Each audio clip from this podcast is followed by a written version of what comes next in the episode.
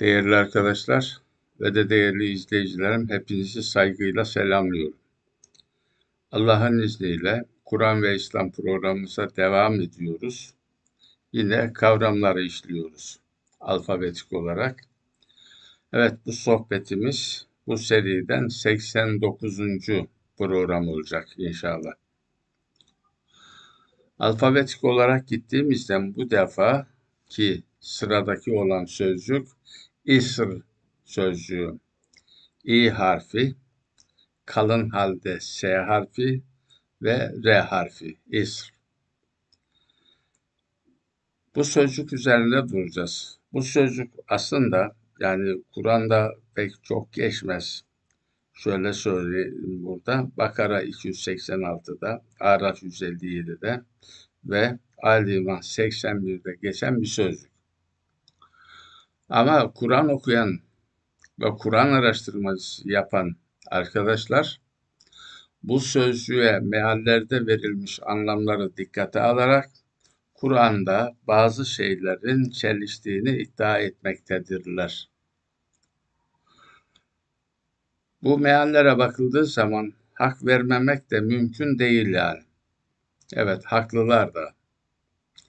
Bunun nedeni ise sözcüğün öz anlamının bilinmemesi, yaptıkları tefsire ve meallere yansıtamamalarıdır. Şimdi İslam inancında kesin olarak şu kural vardır. Yani teklif malla yutak caiz değil. Yani mümkün değil.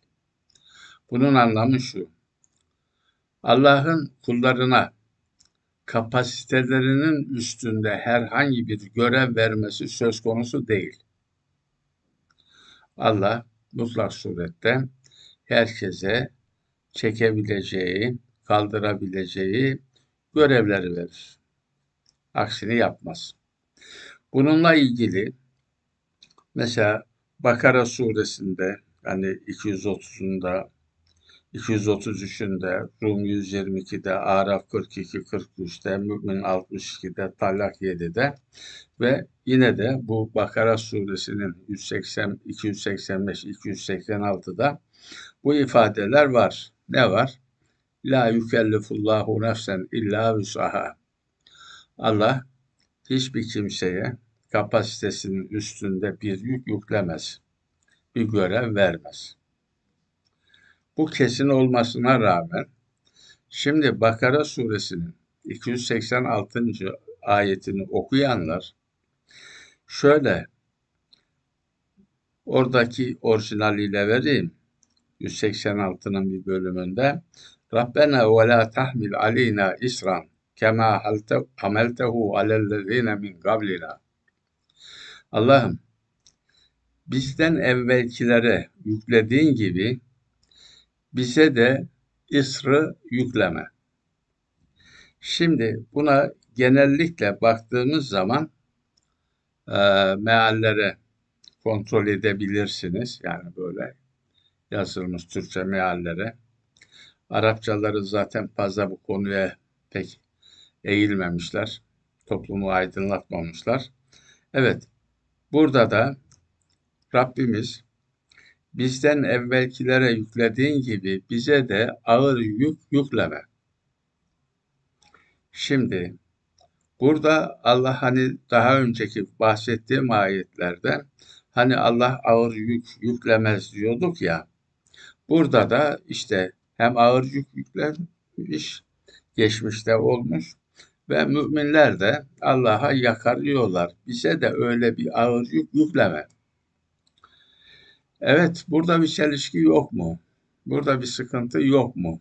Gibi bize çok soru soruluyor. Bunu belki değişik programlarda da belki 10 kere 20 kere de açıkladığımda oldu. Bu defa yani bir soru üzerine değil de alfabetik olarak hani Kur'an'daki önemli kelime ve kavramları açıkladığımızdan ele aldım bu konuyu. Evet. Bu ısır sözcüğünün esas anlamı ne? Isır sözcüğü yük demek değil. Isır sözcüğü ağır ahd, ağır sorumluluk, suça karşı dünyevi ceza, ceza demek. Yani Allah'ın vermiş olduğu hani görevleri doğru dürüst yapmayan kişilerden yani ağır bir taahhütname alma ve onları da dünyada normal herkesin çektiği, çekebileceği tarzda bazı sorumluluklarla sorumlu tutma veyahut da biraz da kulaklarını çekme, çekme anlamında e, onlara bir dünyevi ceza mahiyetinde yük yükleme. Ağır yük değil ama. Onu söyleyeyim. Altından kalkabilecekleri bir ağır söz ve sorumluluk yükleme. Evet, orijinal anlamı bu. Şimdi bunun örneklerini yani İsri burada diyor ki hani e, Bakara 286'da e, biliyorsunuz bizden evvelkilere İsri yüklediğin gibi bize de yükleme. Bizden evvelkilere ne yüklemiş? Yani konuyu e, iyi anlam, anlayabilmemiz için onların yani bizatihi hepsini somut olarak görmemiz lazım. Şimdi bu konular genellikle Kur'an'ımızda İsrail oğullarıyla ilgili verilen bilgilerde göze çarpıyor. He. Ama bugün neler oluyor ona da e, sizi yani böyle bir beyin jimnastiğine de sevk edeceğim. Ama önce Kur'an'daki verileri bir dikkat edeceğiz. Şimdi burada e, Nisa suresinin 153'te burada yine Nisa suresinden bazı ayetleri vererek konuyu tam açıklığa kavuşturacağız Allah'ın izniyle. Kitap ehli senden kendilerine gökten bir kitap indirmeni istiyorlar. Şimdi Peygamberimiz Kur'an'ı tebliğe başladı, anlatıyor ya. Onlar kitap ehli dediğimiz zaman burada Yahudi ve Hristiyan din bilginleri. Yani kitap elinde olmayanlar değil. Bir kitaptan uzak olanlar var. Bir de hani eski tabirle kara kitabı kendi koltuk altında tutup da milleti sömürenler var işte o tayfa. Şimdi de vardır herhalde öyle.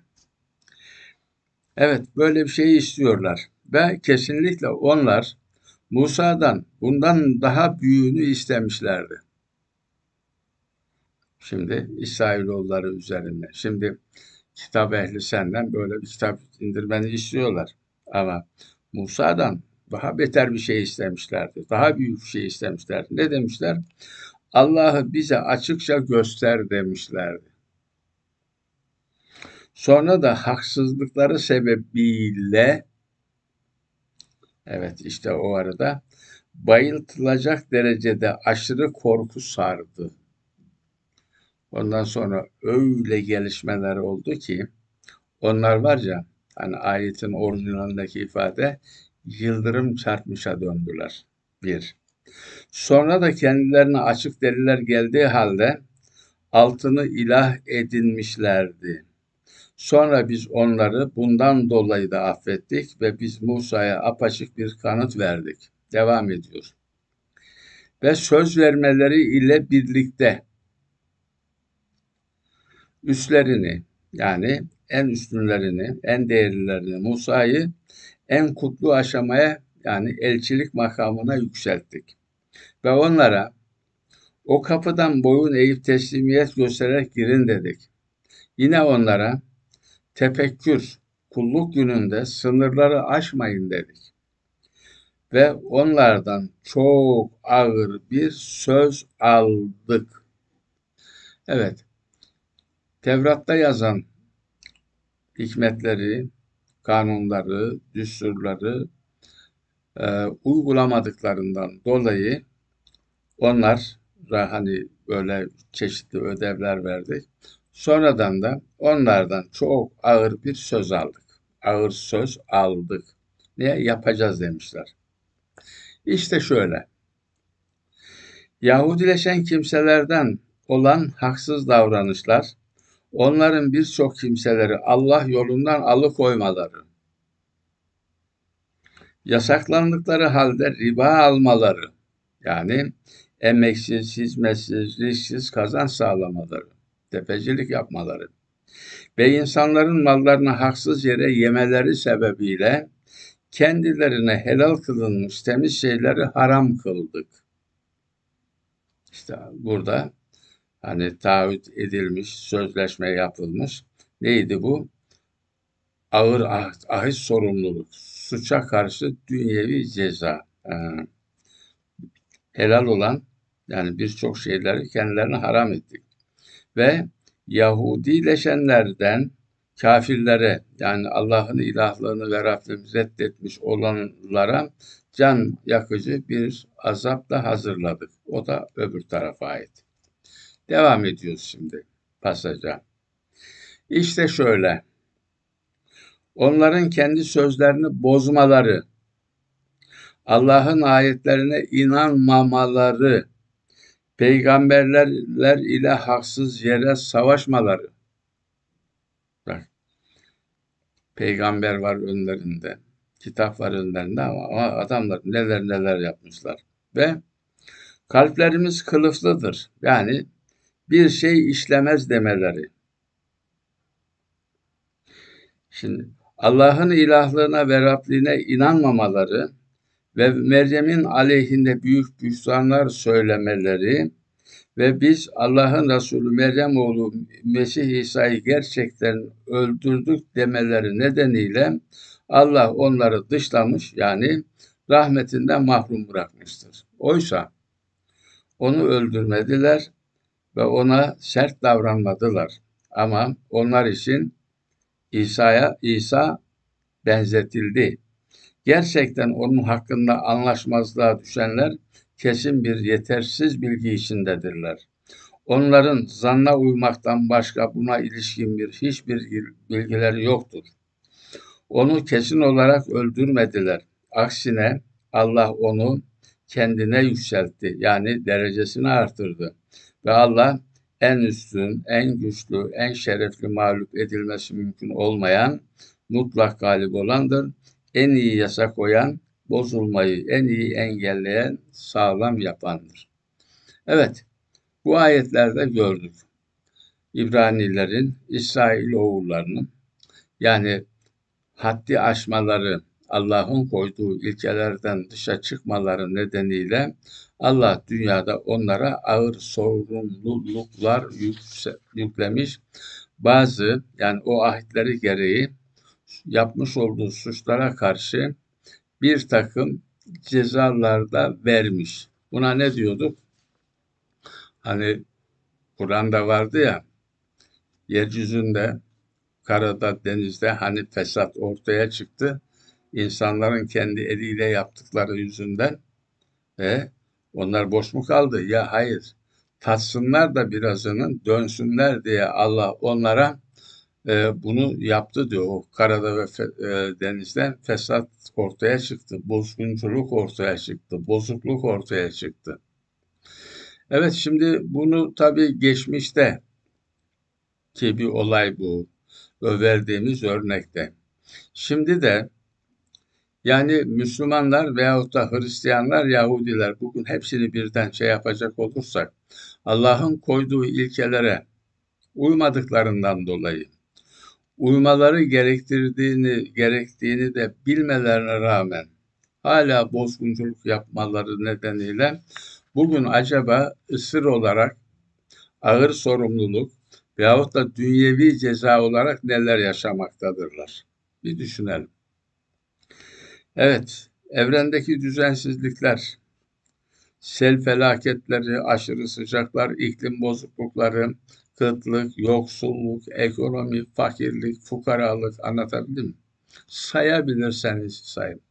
Şimdiye kadar yani Müslüman kitlelerin yahut da Yahudi Hristiyan kitlelerin ya çekmiş olduğu sıkıntıların kaynağı ne? O sıkıntılar Evet, bugünkü toplumların yaşamış olduğu sıkıntılar açıkça burada korkulan müminlerin Rabbimiz evvelkilere verdiğin gibi, yüklediğin gibi bize ısır yükleme, ağır sorumluluk yükleme, dünyadaki suçlarımıza karşı da bir ceza verme diye yakarmışlardı ya. Evet, şimdi Cenab-ı Hak bize de bu cezaları vermiş midir? Yani bu yaşadığımız şeyler, dediğim gibi ekonomik sıkıntılar, iklim bozuklukları, maddi manevi şeyler, hepsi yani böyle diyelim. Bunlar da Cenab-ı Hakk'ın bize uyanalım diye, aklımızı başımıza alalım diye yüklemiş olduğu ısır mıdırlar.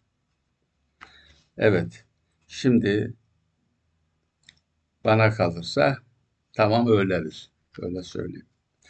Evet, devam ediyoruz şimdi başka bir sözcüğe.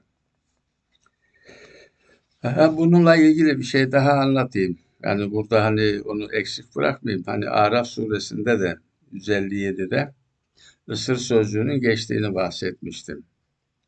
Orada da Resulullah Kur'an ile İsrail oğullarına yüklenmiş olan ısır var ya, onu kaldıran bir kişi olarak ayette yer alıyor. Onu da size takdim edeyim o ayet grubunu. Araf suresinin 156-157'si. Allah diyor ki, benim azabım var. Onu dilediğime dokundururum. Rahmetimde var. O ise her şeyi kuşatmıştır.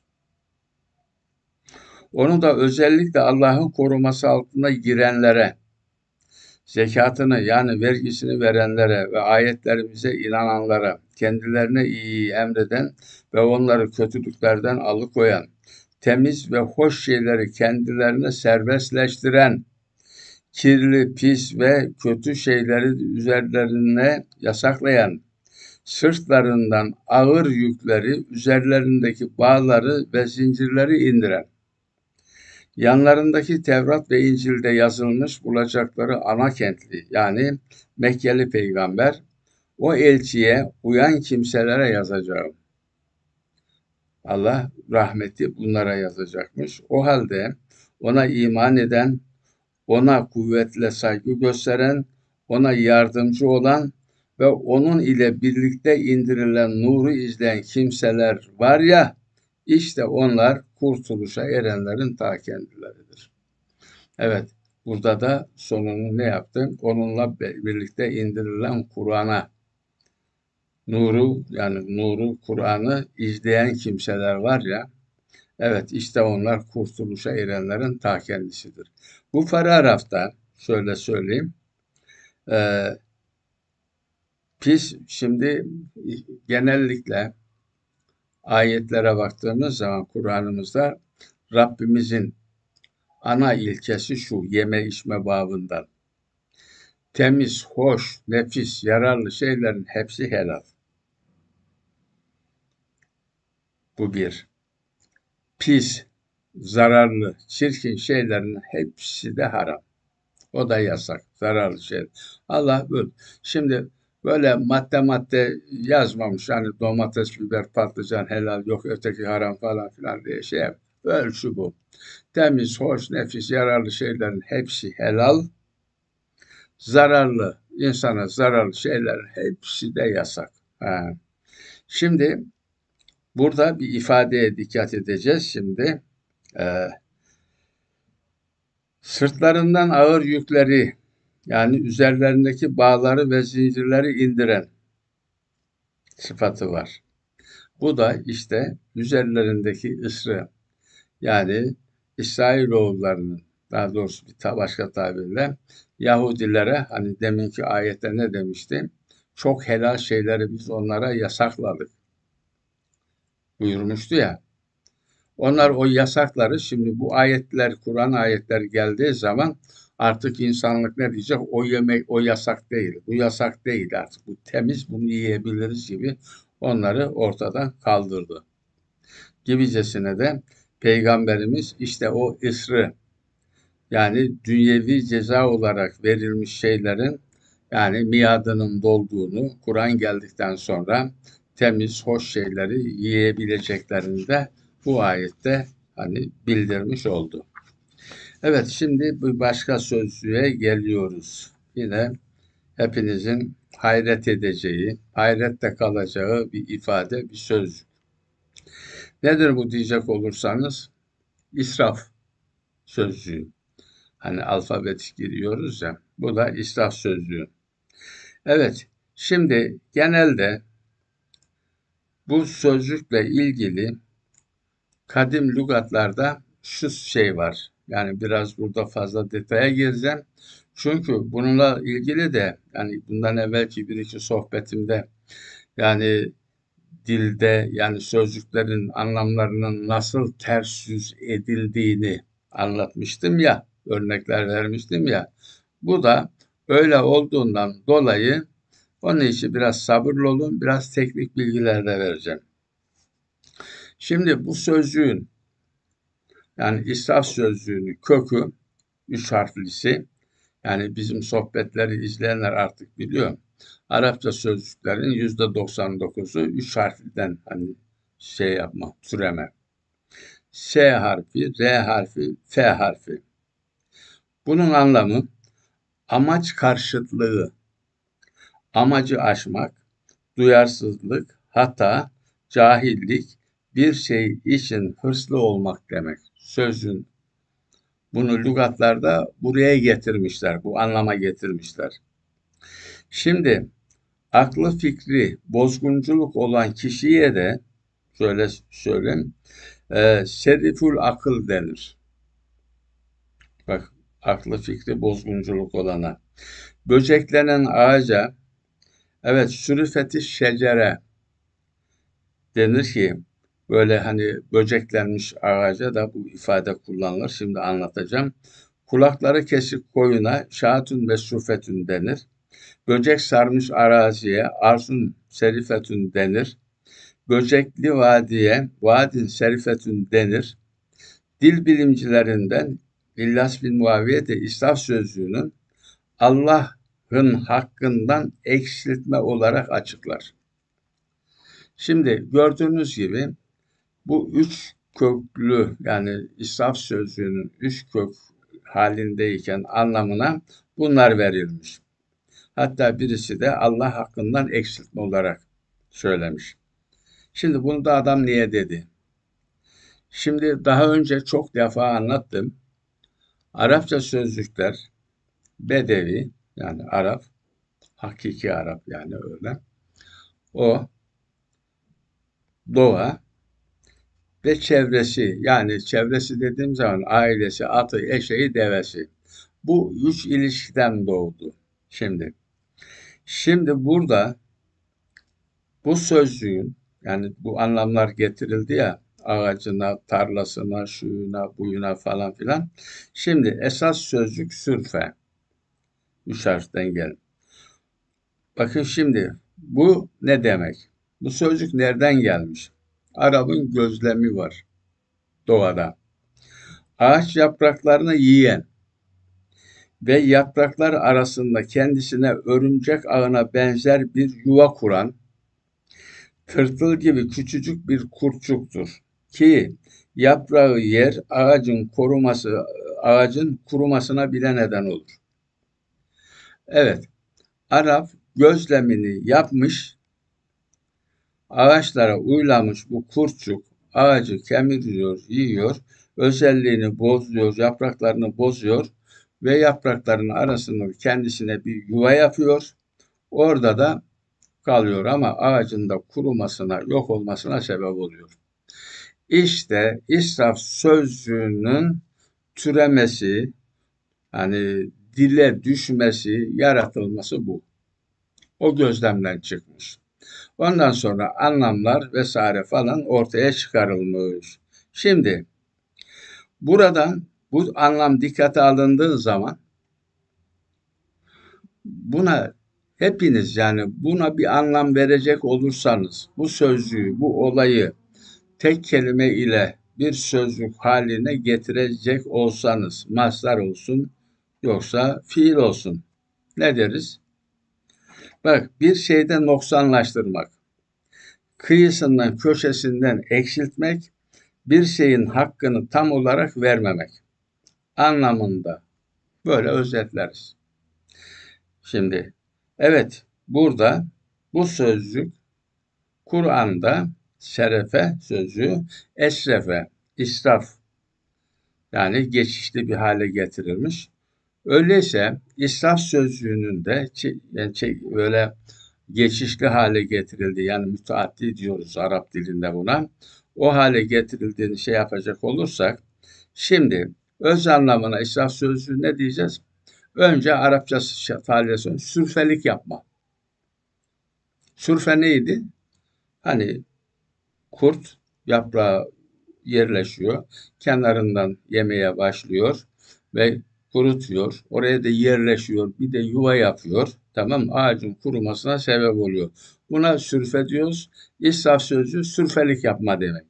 Bunu ben tamamen Türkçe'ye çevirecek olursam ne olur? Yani kurtçuğun ağaç yaprağına yaptığı gibi. Şimdi nesneyi küçültmek.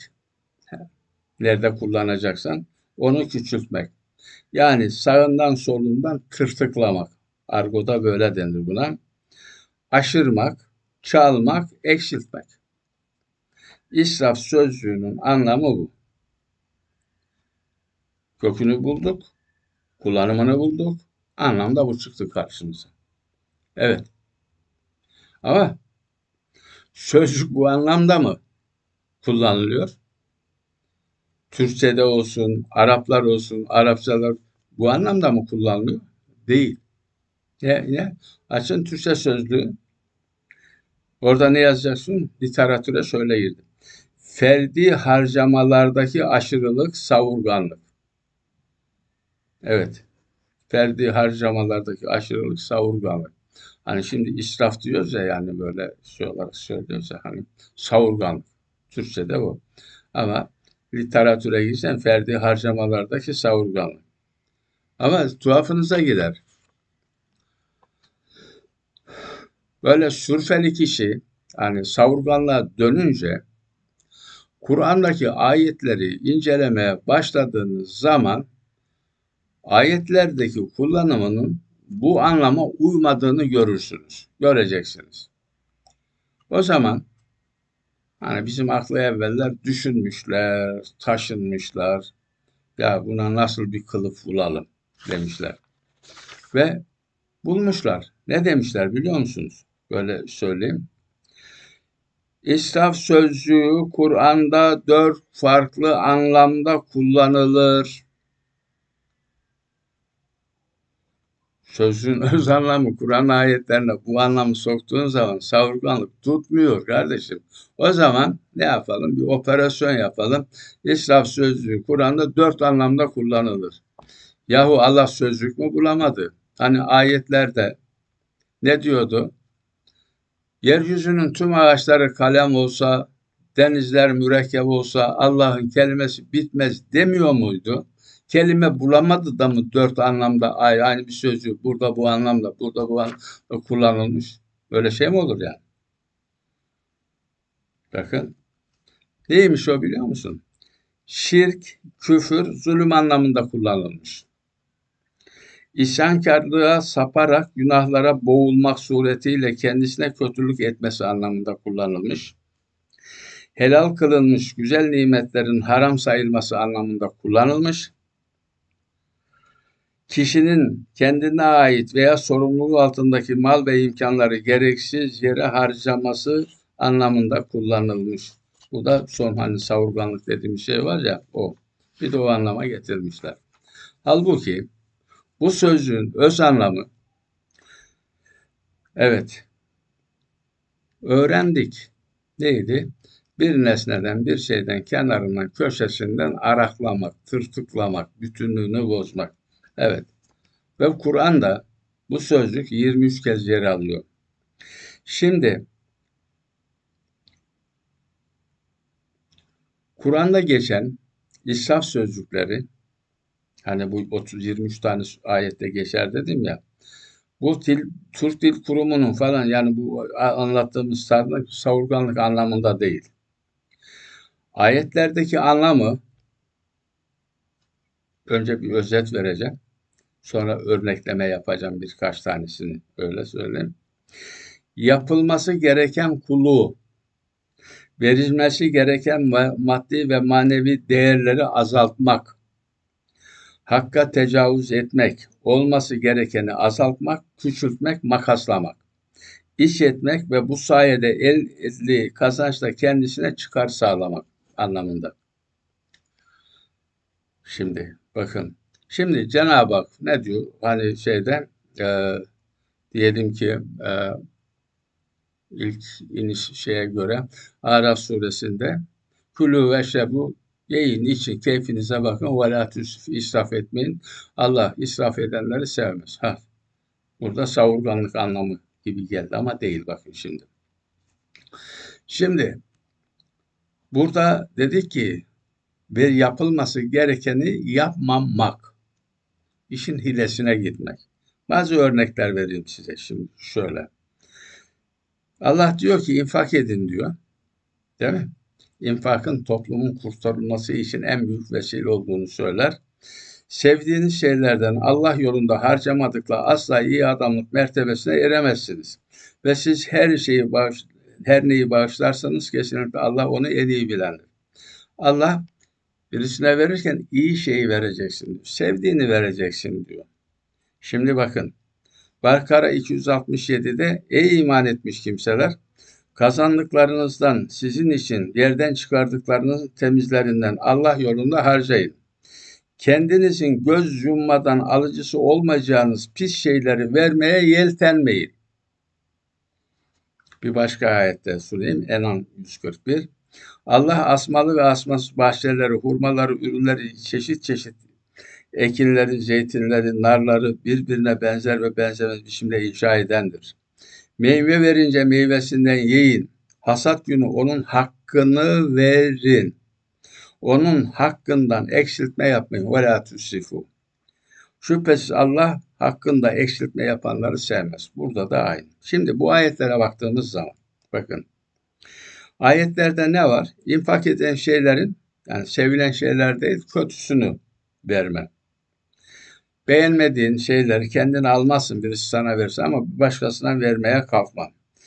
Ee, ve verilmesi gereken miktardan az verilmesini israf olarak söylüyor. Savurganlık olarak değil. Bakın savurganlık anlamını özellikle Enam 141'de kesinlikle uydurabilmeleri mümkün değil. Evet, burada insanoğluna verilen mesaj şu. Her yerde ve her zaman maddi ve manevi zinetlerini takınmalı. Araf'taki ayetten bahsediyorum şimdi. Her mescidin yanında zinetlerinizi takınız buyuruyordu Cenab-ı Hak. Yani temiz ve bayramlık giymiş olmalı, pis kirli olmamalı.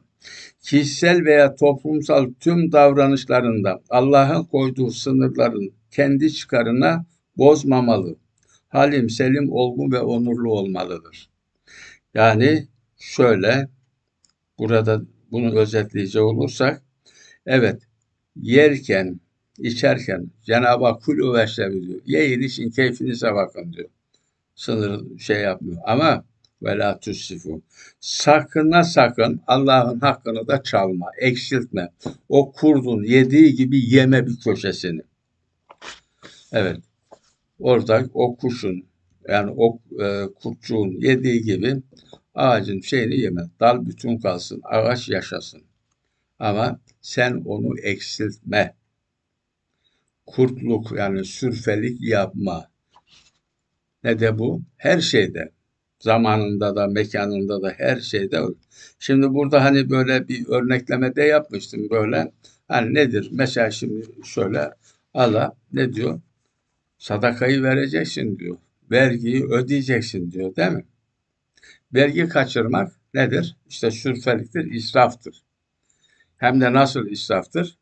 Kamuya ödeyeceğin değeri sağından çalarsın, solundan çarparsın, bir kuşa döndürürsün. Tamam Şey yaparsın. E çaldıklarına ne yaparsın? Oh, kendine model model araba alırsın. Kendine dediğim gibi ev alırsın, apartman alırsın, saray alırsın, bilmem köşk alırsın. Yazlık, kışlık. İşte israf bu. Yani yapılması gerekenin sağını solunu makaslamak, tırtıklamak israftır. Yoksa yediğinden, içtiğinden yani bir tabak yemekken iki tabak yemek şey değil zaten. Ona israf demiyoruz. O ayrı bir olay. Onu da hani bir başka ayette e, size başka İsra suresindeki bir başka şeyde onu da bahsedeceğim. Yani o savurganlık cinsine giren şeyler var. Onları da size bahsedeceğim. Ama israf sözcüğü de gördüğünüz gibi ne olmuş? Tamamen ekseninden kaydırılmış. Hak hukuk çalma, maldan mülkten etme, özellikle dini konularda Allah'ın haklarının sağından solundan çalınması, tırtıklanması israf. Evet, Kur'an'da geçen israf sözcüğü evet bu anlamda e, evet sürfelik yapmayın diyor Cenab-ı Hak. Yoksa ötekilerin uydurduğu gibi Kur'an'da dört anlamda falan filan diye şey yapmaz. İstersen size bir liste vereyim böyle sohbetin sonunda.